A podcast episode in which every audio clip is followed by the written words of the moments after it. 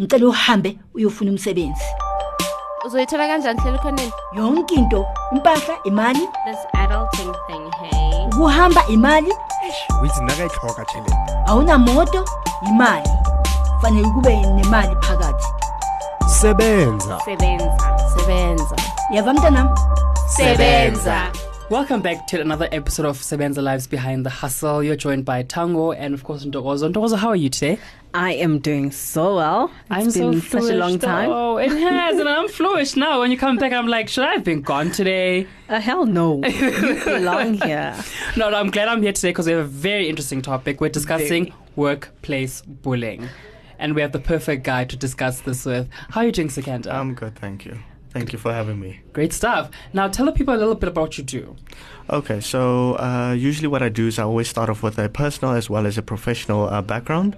Uh, so on a more personal level, I grew up in Polokwane, so uh, just outside of Polokwane in a township known as Seshil. Uh, my mother's from Ramanyaka, which is a township just out of uh, Burgersfort, and I am from a bi- biracial background.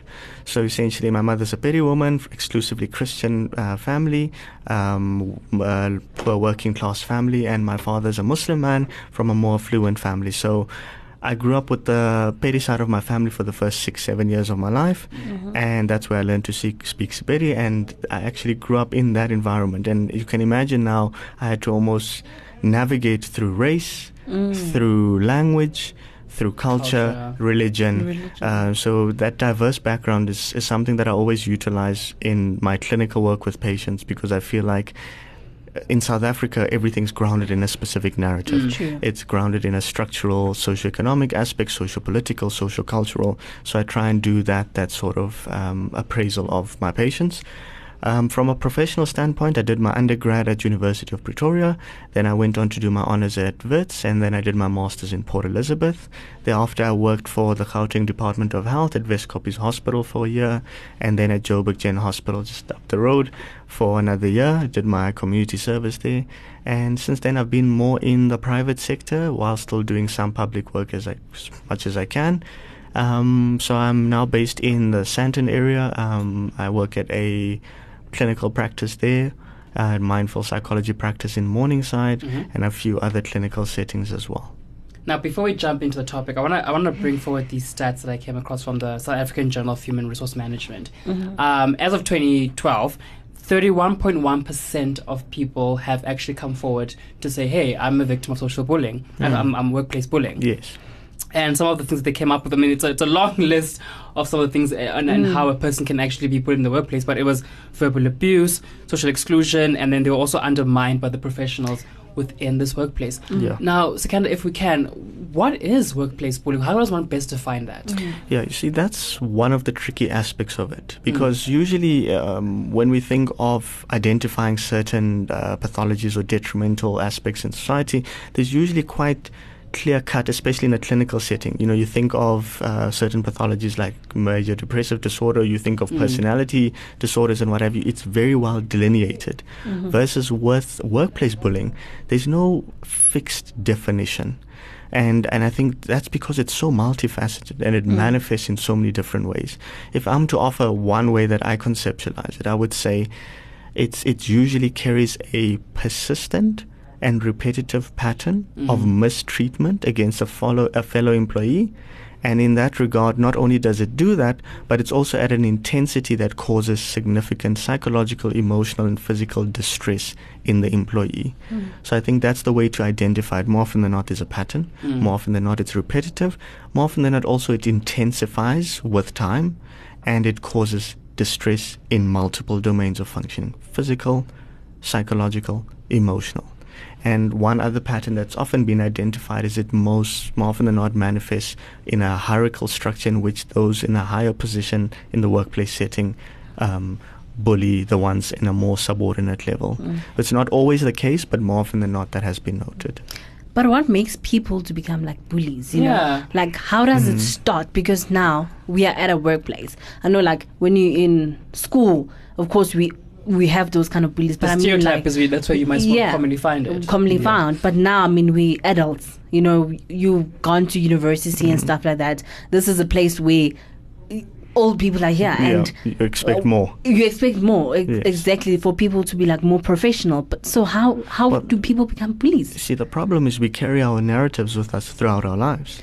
And what what may have started off in childhood manifests later on. Mm. And in that regard, I think it, it can stem. It's so multifaceted. It can stem maybe from um, deficiencies in a younger age. So perhaps lack of unconditional positive regard, lack of unconditional love, which then there's a need to manifest that with almost trying to seek out validation by asserting power.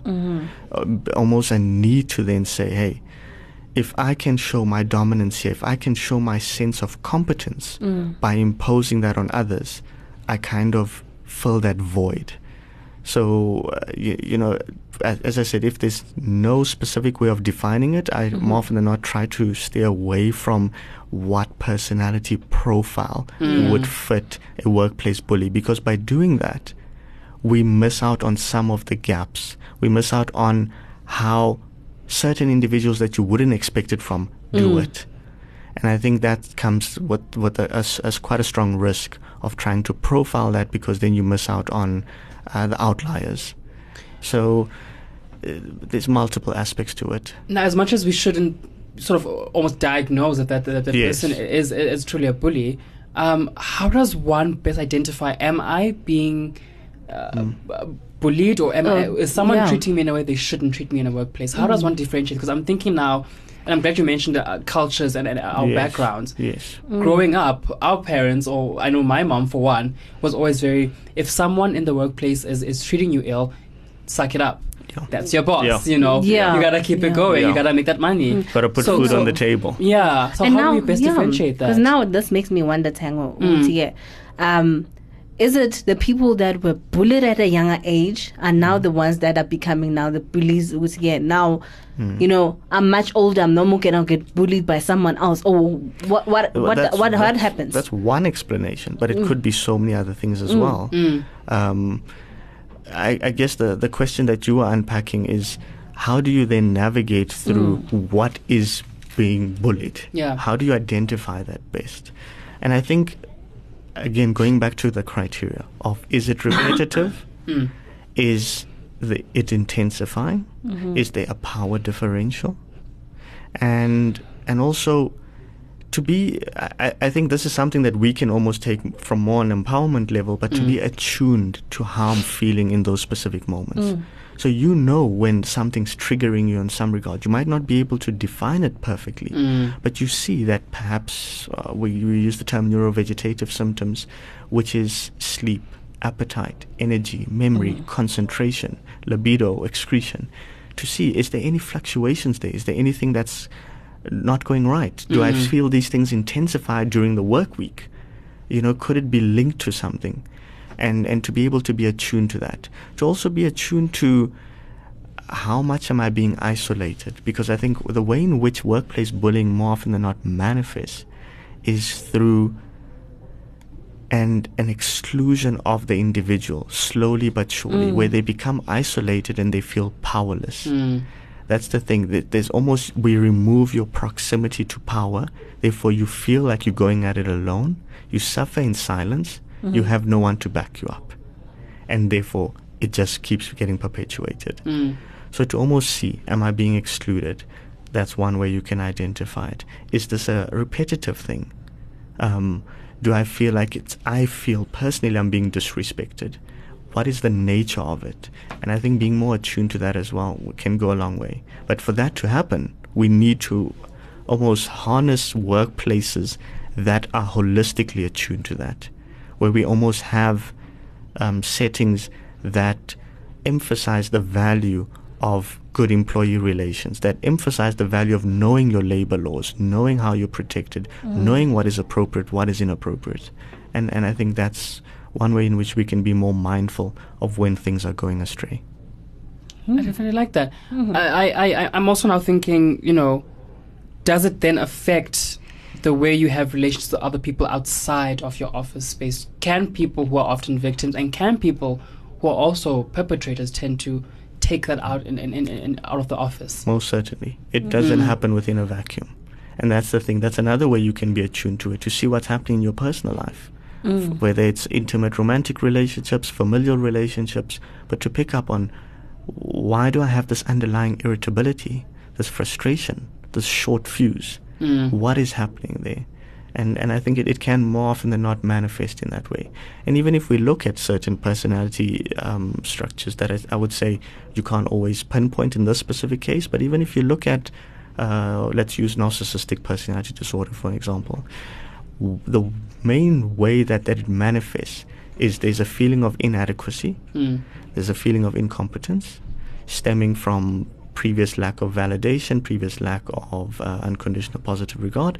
There's a need then to put up a level of guardedness that doesn't allow for narcissistic injury. Mm. And what that then happens and how it manifests is it you you don't know how to regulate that between defending oneself versus transgressing boundaries and hurting other individuals.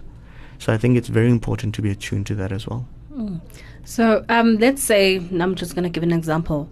You are being bullied at work, and at home, you are the bread and butter, right? Mm. Everyone is relying on you. Um, you trying to maybe tell your boss, or maybe your boss is the one that's bullying you, or mm. whoever. Like, who do you speak to at work, first of all? Mm. And then also within your profession, how do you help people who are getting bullied at work to, you know, overcome that? Can you help when you see someone who's Yeah. perhaps being Yes. bullied at work? I think uh, in a more clinical setting, what happens is if the bullying persists, it stops just being workplace bullying, but it starts becoming other forms of mental difficulties. So it starts off as workplace bullying, but you now start presenting with an anxiety disorder. Mm. You start presenting with excessive worrying, a hypervigilance, a sense of restlessness. And then when I see you in a clinical setting, it's now to treat the anxiety aspect to it. But mm-hmm. we also want to avoid this revolving door where we treat something acutely, send you back into the same environment, you experience the same thing, and it recurs. Mm-hmm. So it's it's so important to work on the symptoms and the pathology that you're presenting with at that time, but to also be devising strategies that when you go back into that environment, you're more resilient. You have better coping resources. You're better able to tackle the situation. Even if you look at it from a um, major depressive disorder perspective as well, workplace bullying can most certainly result in that, almost feeling helpless, hopeless, low mood, despondency, motivation drops, all of these things. So I think there's two aspects to it. There's this treating it more in the organizational and company structure, but then there's also the aspect of treating the individual. And I think they need to happen alongside one another. Something interesting you mentioned there, where you know the person might go back into the workplace, and then you're putting them back into the cycle because you haven't Yeah. been able to treat it. Maybe it's the bullying. Um, how common is it that when someone comes for cl- for clinical help, Hmm. they aren't able to apply what perhaps they, they, they, they, they, they get? It's it's a very tough one. I Mm. think um, you look at corporate South Africa and you look at some of the more structural, systemic aspects of it, where we have quite a strong um, history with regard to race relations, uh, ongoing one with gender, all these dynamics at play that which inherently cause bias and prejudice and discrimination. So how do we go about then improving the systemic aspects so that when they go back into that environment, we're not asking them to learn how to just live in a very toxic environment, but we're slowly starting to change the environment as well. And I think to do that, what's going to be required is workplaces in themselves need to start realizing the importance of looking after and nourishing their employees so that they can maximize the, the workplace setting, efficiency, productivity, and what have you. To not go about it in a punitive, malicious way, but to go about it in a way that really seeks to assist and optimize each person's functioning. And I think what's going to be important there is workplace uh, initiatives such as workshop to identify bias, to, to talk more about the experiences of different individuals with different narratives from different backgrounds in a specific structure. I want to jump into different backgrounds, but before we do, let's get a quick ad break going, um, and we'll be right back.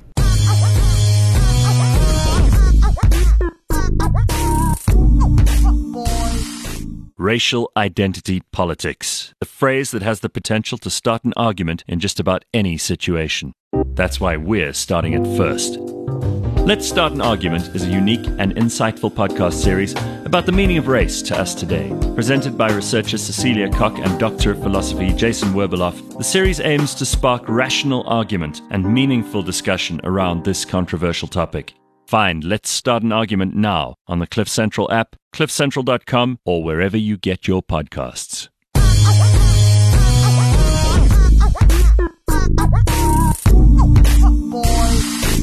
Okay, welcome back, guys. Um, now, as I said before the break, I, I cultural backgrounds play a huge part, and you mentioned this earlier. Um, especially, and I always say South Africa is quite a cocktail of cultures. Yeah. Um, how does that play a, role in the workplaces we're in and, and the different people we meet? I think a massive role because Mm. it, it results in misunderstanding. Um, you know, it, it results in miscommunication, misunderstanding, and attributing that to malicious intent, even though it was unintentional. Mm. But being unintentional doesn't mean it's excusable. It means it could stem from ignorance. And I think we need to start breaking down those barriers of, of not being able to connect with different narratives, different backgrounds, different cultures. We need to immerse ourselves in that so that we have more sensitivity to seeing how can we best navigate through this How do we do it? you know, you know, you look at the melting pot hypothesis that we've been trying to to utilize in South Africa. Mm. It's so tricky because there's still the systemic structural things that bring you down. Yet on the surface level, we're saying we're trying to work together and trying to integrate and what have you. Mm. So I think we need to become more transparent about what is actually still simmering underneath. And and I think in that regard, you know, you look at Truth and Reconciliation Commission and what have you, and the, the narratives that came out of there. But I think we still carry a lot of residual anger, a lot of residual frustration with the ongoing inequality, with the ongoing systemic discrimination. So I think we need to start finding ways in which we can um, express that so it doesn't carry so much repressed, suppressed residual impact Mm. but also that it doesn't trigger individuals in the sense where they become defensive. It's a balancing act. Mm. And I think we're still learning how to navigate through that in South Africa. I was about to ask, do you Yeah. feel it's getting somewhere in, in terms of the South African corporate space?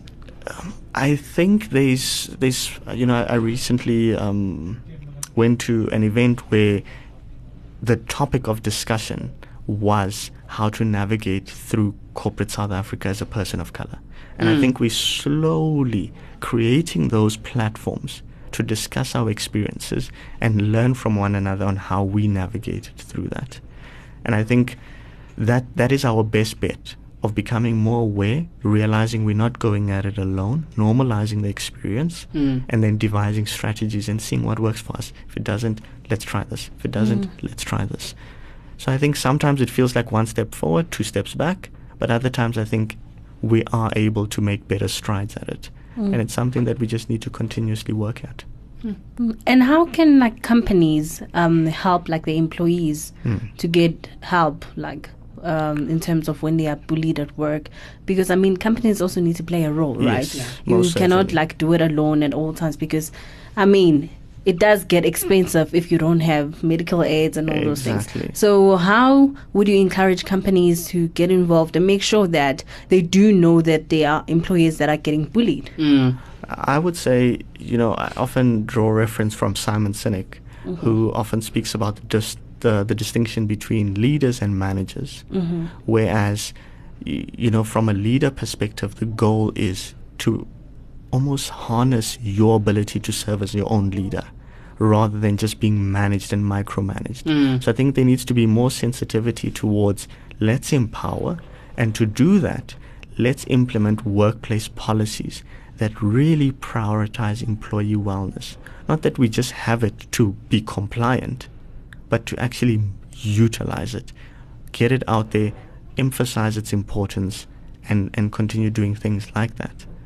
Now, before we, we, we, we almost conclude this, I, I want to th- I want to think for the, the, the Thabo out there, the young the hmm. young corporate person or hmm. man or woman Mm. who probably probably doesn't even realize this is workplace bullying. And how do they solve this problem? What advice can you hmm. give in terms Without of, getting fired. without getting fired? I would say, first and foremost, identify what has been happening, Mm-hmm. track it, record keeping, Mm. I think there needs to be sound record keeping of this was this transgression on this day. This is how it manifested. This is how it played out. What was my responsibility? What was this person's responsibility? You're going to need that record keeping should you want to escalate things. So then also to be able to identify how much can this be an HR matter? How much do I need to use other legislative powers, the Within the CCMA, company, oh yeah. yeah, and even externally, you know, CCMA, uh, unions, all these other um, platforms that one could utilize. So I think it needs more awareness of what are your rights and what is the best way of navigating through that. Starting off by saying, okay, and, and it will it will depend. It's going to be have to be tailored for you. So in some settings, maybe going to speak to the individual concerned and say, hey, I don't appreciate this aspect. Hmm. I understand my responsibility. I understand your responsibility. Hmm. Can we work at this together? If that doesn't work, take it to the next level. Take it to HR then. If that you're not getting anywhere there, go to the CCMA. So just to, to utilize that awareness of what are the different structures that I could utilize. And I think one also very interesting way of navigating through it, which is less legislative, is to realize the power differentials that come into place when there's workplace bullying. And I think what could be done is to to utilize other power structures in the organization. Maybe do work with other team leaders or other uh, individuals higher up in the hierarchical system so that they can pick up on you being uh, mistreated and say, hey, what's happening here? And be able to, to call in. Because as I said, one of the ways in which it manifests is there's an exclusion where you feel alone. You don't feel like you have any link to some of the power structures.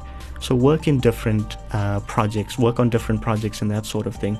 Be able to utilize other leadership uh, individuals in the organization so that you have some collective force with you and you're not going at it alone.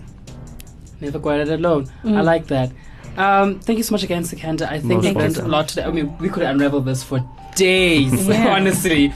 But um, we're gonna cut it go ahead right here. Um, make sure to follow us on at Sowetan Live on, on Twitter and at Sowetan Live on Instagram as well.